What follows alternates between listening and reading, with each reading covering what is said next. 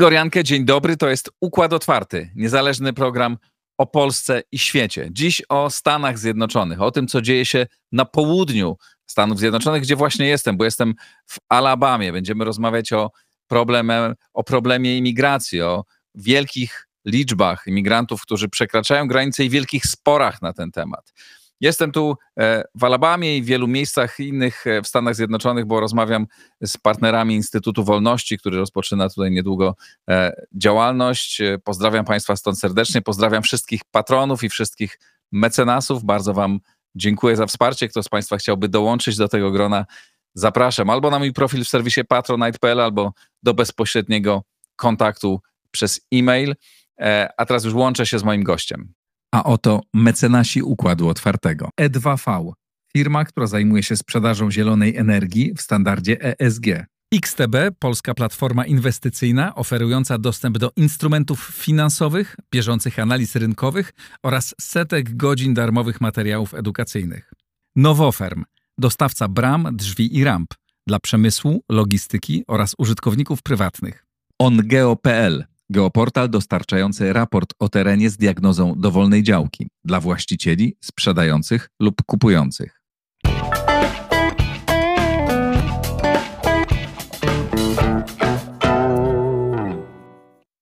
Jakub Grygiel, e, publicysta, profesor Catholic University of America. Dzień dobry. Dzień dobry. Jakubie, co się, co się dzieje na południu Stanów Zjednoczonych? Co się dzieje wzdłuż granicy teraz? E, to jest e, ciekawe pytanie i można rozmawiać na ten temat przez godzinami, ale w skrócie powiedziałbym, problem jest taki, że po prostu liczba e, nielegalnych imigrantów, którzy przekracza, przekraczają granicę południową Ameryki, Stanów Zjednoczonych, znaczy granicę z Meksykiem, niesamowicie wzrosła w ostatnich dwóch, trzech latach za, za kadencji prezydenta Bidena. Są takie oficjalne nawet cyfry, które nie są dokładne, ale, ale pokazują ten właśnie ten wzrost. Za kadencji e, w czasie administracji Trumpa plus minus było 300-400 tysięcy takich nielegalnych przekroczeń granicy e, co roku. E, I w momencie, jak Biden przyszedł do władzy w 2021 roku, te, te liczby wzrosły niesamowicie. Zamiast 300-400 tysięcy e, w 2022 było ponad 2 miliony nielegalnych imigrantów tylko na tej granicy południowej. E, w tamtym roku 2,5 miliona, 2, 2, 2 miliony przecinek 4. I to są oficjalne numery, które, te liczby, które tylko pokazują tych, którzy, których na granicy jakoś E, nie złapali, ale wyliczyli, dali jakiś dokument i po prostu zapisali. Do tego trzeba dodać plus minus, mówią ponad półtora miliona corocznie w ostatnich dwóch latach tych, którzy po prostu nikt nie, nie, nie, nie, nie skontrolował, nie, nie wpisał do jakichś tam e, spisów e, e, federalnych czy państwowych. Więc mówi się, że to jest około 10 milionów ludzi, którzy, e, imigrantów, którzy po prostu weszli do Stanów Zjednoczonych w ostatnich trzech latach. To są niesamowite cyfry, bo e, ostatni e, oficjalny takie, taki numer liczby, które się ma, e, ile jest nielegalnych imigrantów w Stanach Zjednoczonych, to chyba 2020 roku są te numery, to się mówi około 11 milionów nielegalnych imigrantów. Jeżeli się doda tego około 10, którzy weszli w ostatnich dwóch, trzech latach, no to mamy około 20 milionów imigrantów nielegalnych no to to są niesamowite cyfry. To, się, to jest około 6%, jeżeli nie więcej, 6% e, ludności, całej ludności amerykańskiej. I to są tylko ci, którzy są nielegalnie i tylko ci, którzy są e, w sumie jakoś wyliczeni czy spisani do tych, do tych e, spisów federalnych. Więc to, to jest niesamowity problem ekonomiczny, no i oczywiście polityczny. Z czego to się bierze? Jakby z czego wynika ta, ta gwałta, ten gwałtowny wzrost? Gwałtowny wzrost y, wynika z tego, że administracja Bidena zmieniła pewne prawa i pewne y, regulaminy chyba, y, które były za czasów e, prezydenta Trumpa. W 2020, jeżeli się nie mylę, jak się COVID przyszedł, administracja zaczęła taką, e, to się nazywało Title 42, znaczy tytuł 42, no to chyba prawo 42, czy regulamin 42 po polsku, gdzie po prostu można było e, wyrzucić nielegalnych imigrantów właśnie z powodu COVID-u. No około 3-4 milionów ludzi zostało w ten imigrantów zostało wyrzuconych z powrotem do Meksyku albo dalej. No i, i to też miało wpływ na to, że była pewna, pewne odstraszanie, że mniej imigrantów się starało po prostu przekroczyć tę granicę. Trump w 2021, jak przyszedł do władzy, jedną z pierwszych decyzji to, to właśnie było skasować tę decyzję, ten, ten, ten, ten regulamin czy prawo 42 e, Trumpa. No i to efekt tego było, że granica została otwarta e, na, na południu Ameryki. No to jest powiedzmy taki najprostszy e, powód. Oczywiście są długie takie, większe powody, nasze problemy polityczne i ekonomiczne w Meksyku i w ogóle w, w środkowej i południowej Ameryce, które po prostu E, wyrzucają ludzi z tych krajów, którzy szukają e, po prostu ekonomiczne, lepsze warunki na, na północy w Ameryce. Meksyk jako państwo e, coraz bardziej zależny od takich imigrantów nielegalnych, którzy wysyłają z powrotem. W tamtym roku, czy dwa lata temu, to było około 60 miliardów dolarów z powrotem do Meksyku. Więc to jest e, też pewien interes, powiedzmy, tych, tych, tych państw, Meksyku i innych, żeby mieć takie duże e, liczby swoich obywateli właśnie w Ameryce, którzy wysyłają z powrotem pieniądze. Więc to jest dużo powodów, ale ten polityczny powód zmiany, powiedzmy, e, decyzje, które e, jedna administracja, druga wzięła, no to miał, taki najbardziej jasny e, powód i, i, i, i efekt mają właśnie na, ten, na tą imigrację nielegalną. A jaki był tak naprawdę, jaka była motywacja administracji Bidena do zmiany tego?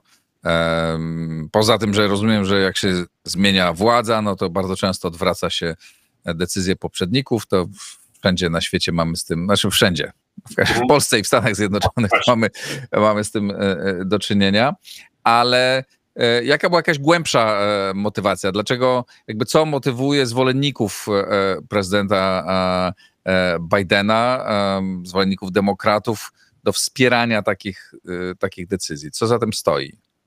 Trudno powiedzieć. No to jest po prostu inne podejście do koncepcji państwa i koncepcji granicy.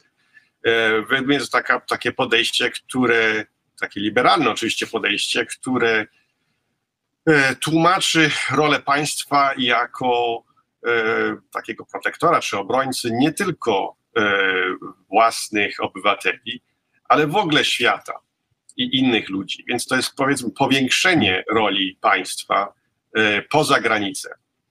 To można powiedzieć, to jest inne podejście powiedzmy filozoficzne do, do, do właśnie roli państwa i, i w pewnym sensie do roli narodu i, i obywateli, co, i stosunku między obywatelami a, a, a państwem. Więc to podejście się nie zmieni to są dwa bardzo głęboko, głęboko różne podejścia do, filozoficzne właśnie do, do koncepcji państwa. Oczywiście są inne też e, e, może powody i, i, i też można to wytłumaczyć inaczej. No, jeden taki, takie wytłumaczenie to po prostu, że Biden i administracja chciała po prostu zrobić wszystko odwrotnie od administracji Trumpa. Cokolwiek Trump zrobił, no to musiało być złe, więc trzeba to odwrócić. Też miało pewien, pewien wpływ na takie dosyć drastyczne, dramatyczne właśnie y, decyzje, jak, jak zniesienie pewnych takich regulaminów. Um, więc to, no i na pewno teraz, szczególnie w ostatnich miesiącach i następne, następne 10 miesięcy, no to wchodzi um, cała ta polityka właśnie do, do, do, stosunku do granicy i do imigracji, no to wchodzi w ramach wyborów i prezydenckich i do kongresu. No i teraz to będzie bardzo trudno właśnie od, odróżnić jaki jest ostateczny powód tego, tak pewnie, decyzji. Reakcja drugiej strony też jest przeciwników tego, jest bardzo, bardzo ostra. Rozumiem, że e, gubernator Teksasu w sposób bardzo radykalny e, protestuje przeciwko temu, używa też bardzo ostrego języka, no i ściąga e, nie wiem, czy on ściąga, czy ściągają wzdłuż granicy ludzie, uzbrojeni ludzie, którzy którzy chcą ją bronić. Powstaje taka no, sytuacja dwuwładzy. Proszę opowiedz, jak to, jak to faktycznie wygląda. No, to, trudno to właśnie y, ocenić, dlatego że nawet powiedzmy wiadomości w mass mediach są bardzo y, jedno, jak to się mówi, skrajne chyba, więc jest trudno to właśnie, nie, nie, nie jestem na granicy, więc nie, to, nie, nie widzę tego. Ale powiedziałbym, że jest, problem jest taki, że y, jest pytanie, kto ma kontrolę nad granicą federalną. Czy to jest stan, Texas, Arizona, Kalifornia czy inne, czy to są władze federalne. No i tu jest powiedzmy pewien taki, e, taki spór między, nie wiem czy to jest konstytucjonalny, czy w każdym razie prawny, między właśnie państw, stanem a państwem federalnym. Stany chcą, szczególnie Teksas, chcą e, bronić tą granicę, no bo oczywiście oni są tymi, którzy e, szczególnie w Teksasie najwięcej mają tych imigrantów i no to są niesamowite koszty, oczywiście inne konsekwencje też, e, nie tylko koszty, ale, ale po prostu e, problemy na, na, na, na granicy, no i kilkaset tysięcy ludzi co, co, co miesiąc właściwie przychodzi do, do Teksasu. Więc chcą bronić tej granicy jako ich granicy, no i, i blokować imigrantów. Państwo federalne, prezydent oczywiście Biden, ma inny pogląd do tego. Pierwsze, że to oni powinny być, być tym, którzy, którzy są na tej granicy, no i mają ostatecznie inne podejście do tego, że zamiast blokować, oni chcą przyjmować i wpisywać tych ludzi, no po prostu dawać im jakiś tam dokument, żeby, żeby szli dalej. Więc to są, jest taki właśnie spór i to doszło do, na razie do takiej decyzji um, Trybunału Supreme Court, to jest e, Trybunał chyba, jak to się mówi w polsku? Sąd Najwyższy. Sąd Najwyższy. Sąd Najwyższy. Sąd Najwyższego, że e, jednak e, władze federalne i, i, i nie tyle wojsko, ale to jest ten, ten, te władze, co bronią granicy, kontrolują granicy, ma właśnie, muszą mieć prawo do dojścia do granicy, więc doszło do tego właśnie, że mogą przecinać um, różne bariery, znosić różne bariery, które Teksas i władze teksaskie zbudowały w pewnych miejscach na granicy, żeby po prostu dojść do tej granicy. Więc tu jest trochę, trochę ciekawy spór. Y, nie dojdzie do, do jakiejś większej, powiedzmy, większego kryzysu. To nie będzie wojna domowa i z tego punktu widzenia. Raczej to, to będzie miało i ma niesamowity wpływ na wybory. Mhm. Bo, ale pojawiają się takie głosy, opinie, że to są już takie ruchy bardzo mocne, separatystyczne, nie tylko w Teksasie, ale w kilku, w kilku innych stanach. E, czy to jest tendencja taka narastająca? Znaczy, czy to może doprowadzić do tego, że co trudno sobie dzisiaj wyobrazić, ale wiele jeszcze na świecie się dzieje, których trudno, które nam trudno było sobie niedawno wyobrazić. Czy to może doprowadzić do jakichś poważnych rozłamów i próby rzeczywiście opuszczenia jakiegoś stanu? Do opuszczenia stanu nie, do rozłamu pewne, pewnego podziału politycznego oczywiście, ale to, to jest różnica między właśnie wojną domową i, i odejściu jakiegoś państwa od e, systemu federalnego, a po, po, po prostu podziałem e, politycznym, który ma wpływ e, i, i, coraz większy wpływ na wybory, szczególnie te prezydenckie co cztery lata.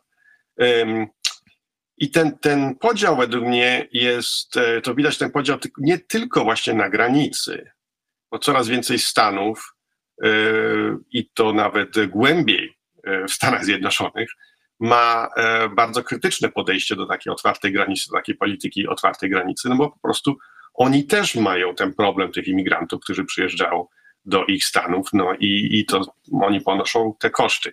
To, co się stało w ostatnich szczególnie dwóch latach, to, to jest to, że właśnie władze Teksasu, e, Florydy, Arizony zaczęły wysyłać imigrantów poza ich stan, szczególnie do tych stanów, które zawsze były bardzo liberalne.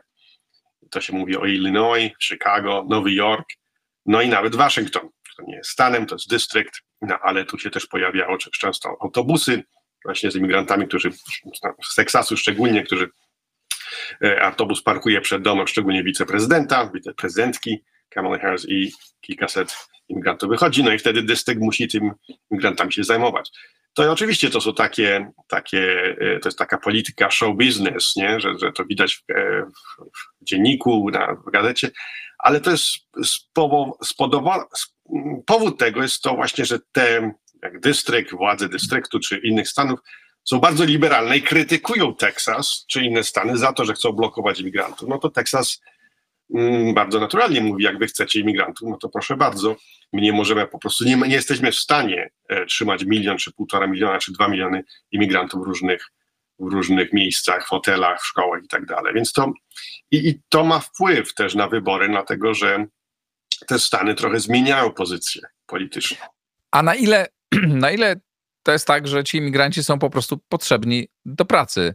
E, bo jak tu w Alabamie prowadziłem właśnie mhm. rozmowy, opowiadałem też o, o roli, o polskiej sytuacji z migrantami, tak? O tym, e, ilu myśmy imigrantów przyjęli z uchodźców e, z Ukrainy i oni w zasadzie, no i mówią jak, jak, o tym, że polska gospodarka ich wchłonęła i tak słyszałem takie głosy od, rozmawiałem z większą grupą ludzi, no w zasadzie my też byśmy bardzo potrzebowali tutaj takiej dużej liczby pracowników, więc na ile to jest też taka po prostu potrzeba gospodarcza, która motywowała, nie wiem, Niemcy w latach 70. czy wcześniej jeszcze, kiedy sprowadzała imigrantów z Turcji? E, to było, według mnie, to był jeden z powodów ale różnica jest w tym, że to wtedy było 400 tysięcy na rok, a teraz 2,5 miliona, może nawet więcej, 3 miliony ludzi, którzy wchodzą. To są inne po prostu liczby tych ostatnich. To dlatego właśnie to jest problem y, po prostu bardzo inny od tego, co było powiedzmy 3 lata temu. Ostatnie 3 lata coś się jednak złamało, przełamało, zmieniło właśnie w tym. Y, no bo 400 tysięcy, 500 tysięcy imigrantów nielegalnych, no to można wchłonąć do ekonomii i na pewno mają, y, jest pewna potrzeba. 3 miliony to jest coś innego na rok. Mhm. Więc dlatego, dlatego to ma teraz o wiele większy wpływ na wybory niż powiedzmy 4 lata temu. Um, koszty, jeden powiedział, no domy tylko do. E, dobrze nie wiadomo, jakie są koszty właśnie takiej, e, takich liczb tych imigrantów. Um, jedne dane, które widziałem, no to jest koło ponad półtora e, tryliona, to jest chyba bilion po polsku, e, znaczy 500 miliardów dolarów na rok to są koszty federalne i państwowe, bo po prostu trzeba im e, dać miejsce do mieszkania, jakiś tam zasiłek, żeby, e, żeby przeżyć ten tydzień, miesiąc i tak dalej. Więc to, to są koszty, które e, państwa, Stany muszą jakoś zapłacić, no i pewne są, i do pewnego stopnia są też koszty federalne. Najbardziej to są koszty pewnych stanów. To są niesamowite liczby, cyfry.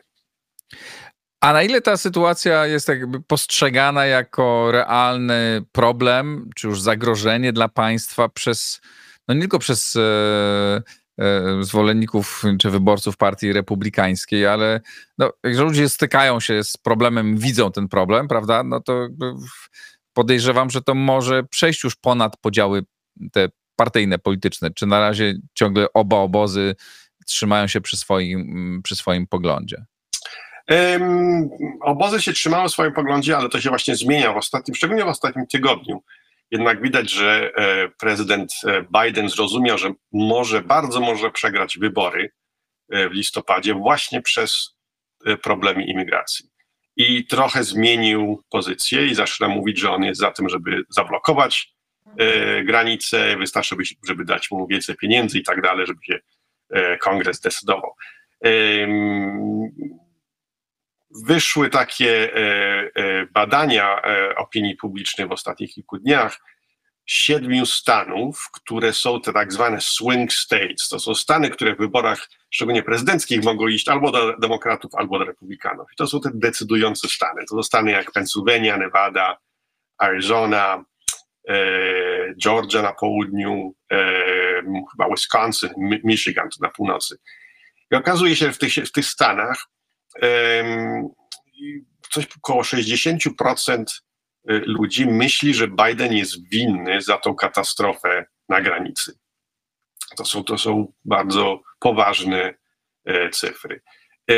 Czyli to nie tylko, zapewne nie tylko zwolennicy Partii Republikańskiej. To, to jest między, właśnie to nie są zwolennicy Partii Republikańskiej. Więc um, ponad połowę, 50 plus procent myśli, że Trump był bardziej efektywny właśnie e, że bardziej efektywnie rozwiązał problem granic. No, jak pokazałem te, te, te liczby tych e, imigrantów na początku naszej rozmowy, no to, to coś pokazuje. Więc, więc jeżeli jest, Biden się patrzy na te, na te, na te badania opinii publicznej, no to musi rozumieć, że może przegrać te, te, te właśnie przynajmniej sześć stanów, które są właśnie decydujące w wyborach listopadzie.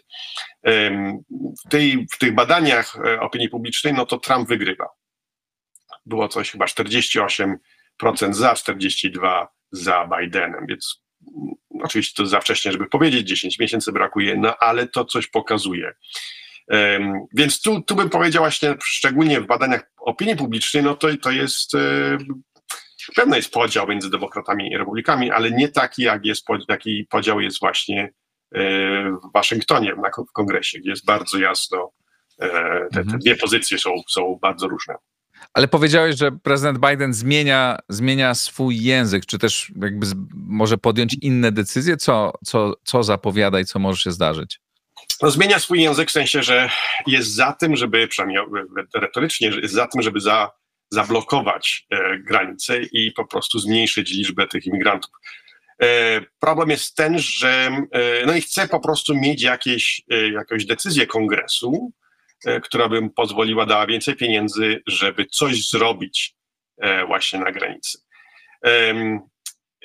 Problem jest teraz ten, że republikanie, szczególnie Trump, nie chcą nic zrobić. No bo wiedzą, że jeżeli nic nie zrobią, no to wina będzie Bidena, no i wybory są za 10 miesięcy. No i można powiedzieć wtedy przez całe lato, 10 miesięcy, że Biden nic nie zrobił, a mógł zrobić, bo to nie, to nie jest decyzja tylko kongresu, bo to może być decyzja tak zwana tak zwany executive order. Nie wiem, jak to jest po polsku też taki prawny termin, że po prostu decyzja prezydencka, tak, tak. który prezydent sam może powziąć do pewnych, do, do zablokowania granicy, to co Trump zrobił w czasie swojej kadencji. Więc tu jest teraz ciekawe właśnie, że republikanie mają pewien interes, żeby nic nie robić na tej granicy, po prostu z powodu wyborów, a Biden zaczyna się panicznie boić, że musi coś zrobić na, na granicy. Więc e, ideologicznie to są e, republikanie są za tym, żeby zablokować granice, ale z punktu widzenia czysto tak, taktycznego, politycznego są za tym, żeby nic nie zrobić. A demokraci są za tym, żeby trzymać ideologicznie, żeby granice były otwarcie, otwarte, ale z punktu widzenia właśnie taktycznego wyborów, to coś właśnie zrobić, żeby pokazać, że oni mogą blokować granice. Więc jest taki trochę dziwny, dziwny podział, powiedzmy, ideologiczny, polityczny, e, gdzie, gdzie dobrze nie wiadomo czasami, kto jest za, za czym, no bo są inne po prostu interesy ideologiczne, inne e, właśnie taktyczne. No i ofiarą tej całej sytuacji e, z polskiego punktu widzenia, czy z europejskiego punktu widzenia jest Ukraina mhm. i wstrzymanie tej pomocy dla Ukrainy, które może skończyć się, e, może mieć dramatyczne konsekwencje. Już ma e, mhm. duże konsekwencje. Czy jest jakaś szansa na przełamanie e, tej sytuacji i na podjęcie decyzji, jeśli tak, to w jaki sposób przez czy przez kongres, czy przez, przez prezydenta o przekazaniu tych 50 miliardów? Mhm. Nie no, nadzieja jest. Ale tu bym powiedział, że problem powstał z, właśnie według mnie problem jest ten, że sama administracja Bidena, mi się wydaje, coraz mniej chce pomagać Ukrainie. Więc idzie im to na rękę, że powiązali e, fundusze do obronienia granicy południowoamerykańskiej do funduszy, z funduszami do, na Ukrainę. No i republikanie chcieli to podzielić. Decydujmy o funduszach granicy i decydujmy o, o funduszach do Ukrainy i Biden się na to i demokraci się nie zgodzili. Więc tu mi, mi się wydaje, że to jest też inny problem, że po prostu administracja Bidena idzie im to na, na rękę, że mogą zwalić na republikanów fakt, że nie ma pieniędzy, na, nie daje się pieniędzy na Ukrainę, ale de facto mi się wydaje, administracja chce tego, żeby po Ale prostu... przecież przegrana Ukrainy będzie hmm. również przegraną Joe Bidena, bo to on Zależy. bardzo mocno jakby opowiedział się jednoznacznie, e, prawda? Pamiętamy jego wystąpienia e, tu w Europie, w Ukrainie, w Warszawie. E, ile to było? Półtora roku temu, e, prawda? Bardzo, bardzo jednoznacznie. No to jakby to będzie jego sukces albo jego porażka. Tak, ale ten sukces to zależy, jak to, jak to ocenić. E, z waszego punktu widzenia sukces to znaczy możliwe, że, e, żeby Ukraina mm, wygrała tę wojnę w jakimś sensie, nie? Mm, można, tak. można teraz dyskutować, co to znaczy. Sukces z punktu widzenia Bidena to znaczy zakończyć tą wojnę, mhm. szczególnie przed wyborami. Ale nie ma szans na zakończenie tej wojny. Czy Ukraińcy się na to nie zdecydują? Na pewno. Tak, ale, ale z punktu widzenia wyborów, w jaki sposób Biden może powiedzieć, że on zakończył tą wojnę, w sensie przestał fundować i, i, i dawać pieniądze i po prostu jest jakiś e, status quo, który może nie sprzyja Ukrainie, ale na razie status quo. Problem dla Bidena jest ten, że nie ma właśnie żadnej takiego, nie ma takiego zwycięstwa w polityce zagranicznej w ciągu ostatnich trzech latach, który mógłby sprzedać e, w czasie wyborów. Jedyne to może powiedzieć, że on skończył wojnę w Afganistanie, chociaż to jest bardzo ryzykowne, bo sposób, w którym się ta wojna skończyła, ucieczka Amerykanów z Kabulu była dosyć tragiczna, więc to nie wiem, czy mu pomoże. Nie ma, e, wojna teraz e, z Iranem w sumie, więc to też niesamowity problem.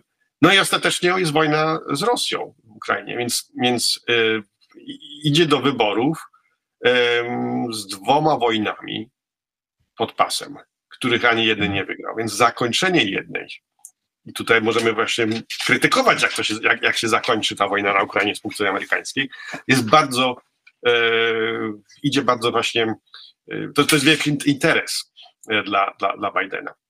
No tak, ale, ale mhm. te, tej wojny nie jest w stanie zakończyć. Znaczy, ta wojna się nie skończy. To jest mhm. pewna ale sprawa. Obserwuję to, rozmawiam z Ukraińcami bardzo dużo, to w ogóle no way. Ale powiedziałeś przed chwilą, że e, jest szansa na, e, na wznowienie tej pomocy. Gdzie, gdzie ją widzisz i kiedy to może się stać? No to, to może właśnie dojść do pewnego kompromisu E, właśnie w sprawach granicy południowoamerykańskiej, to, amerykańskiej tutaj właśnie i to będzie kompromis, który można i republikanie mogą sprzedać swojemu, swoim wyborcom i demokraci swoim. Na przykład to może być taki kompromis, że po prostu się, jak teraz się właśnie mówi, że ileś tam tysięcy ludzi może wejść, ale jeżeli później się przekroczy tą liczbę w ciągu miesiąca, no to się zamyka granicę i się wysyła z powrotem tych ludzi. E, więc to jest taki kompromis, powiedzmy, że nielegalny imigrant jest nielegalny, ale pewna cyfra, cyfra, pewna liczba tych imigrantów nielegalnych może, możemy sobie pozwolić. Więc to, to plus minus według mnie do tego dojdzie w jakiś sposób. E, no i ostatecznie dojdzie też do jakiegoś kompromisu do, do Ukrainy. To może być 50 miliardów, może być mniej. Ale bym do, jeszcze dodał tutaj, że zgadzam się, wojna się nie skończy, ale dla Bidena y, nie, to, Biden nie chce zakończyć wojny jako takiej, chce zakończyć przynajmniej y, mm, y, po prostu interwencję czy pomoc amerykańską do, do wojny, bo może powiedzieć, że wojna się, to, to już nie nasza wojna. Nie? Wojna w Afganistanie się nie skończyła. Taliban, no tak, tylko że przegrana, e, przegrana Ukrainy E, będzie oznaczać wzmocnienie Rosji, będzie oznaczać dalsze ataki na kolejne kraje, no ale przecież nawet w ostatnim czasie Joe Biden wielokrotnie mówił, namawiając, tu trochę y, y, ja miałem inne wrażenie słuchając, ale słuchałem tego z daleka z Polski, kiedy było kilka wystąpień Bidena, w których on wzywał mhm. republikanów i kongres do poparcia Mm, e, tych, tego wsparcia dla Ukrainy, bo sam mówił, że następnymi krajami mogą być państwa bałtyckie, Polska czy, czy Mołdowa. No bo to jest realne, realne zagrożenie. Ta wojna się nie skończy. Nawet jak, jeśli Amerykanie przestaną finansować, e, Ukra wspierać Ukrainę, no to będą mieć jeszcze większy problem, bo jak zostanie, zostaną zaatakowane państwa e, będące członkami Paktu Północnoatlantyckiego, no to będzie jeszcze większy problem dla Ameryki. Zgadzam się, dramat. Zgadzam się, ale to jest analiza geopolityczna czy strategiczna. Analiza polityczna, szczególnie Bidena, jest, że wybory są w listopadzie. Co się wydarzy za 2-3 lata w Estonii czy w Polsce, to to nie jest e, problem do, do jego wyborów w listopadzie. No ale przepraszam cię, że wejdę w słowo, ale tak. to one, to są jego słowa, poza tym, że one są dobrym opisem sytuacji, to on o tym mówił publicznie. Mhm. Tak, ale coraz większe coraz więcej Amerykanów jest za tym, żeby się trochę wydostać, jakoś przestać y, tą, tą pomoc i w ogóle interwencję amerykańską y, na Ukrainie. Więc on odpowiada właśnie, właśnie takim sondażom opinii publicznej. I ta, mhm. te sondaże pokazują mu, że może jego analiza strategiczna, polityczna, która, jak mówisz, prawdopodobnie rację, zgadzam się z nią, właśnie Rosji i tak dalej, nie zgadza się właśnie z tym, co, gdzie elektorat, wyborcy chcą iść. Więc on musi się jakoś dostosować do tego, żeby po prostu zmniejszyć e, możliwość przegrania przeciwko Trumpowi.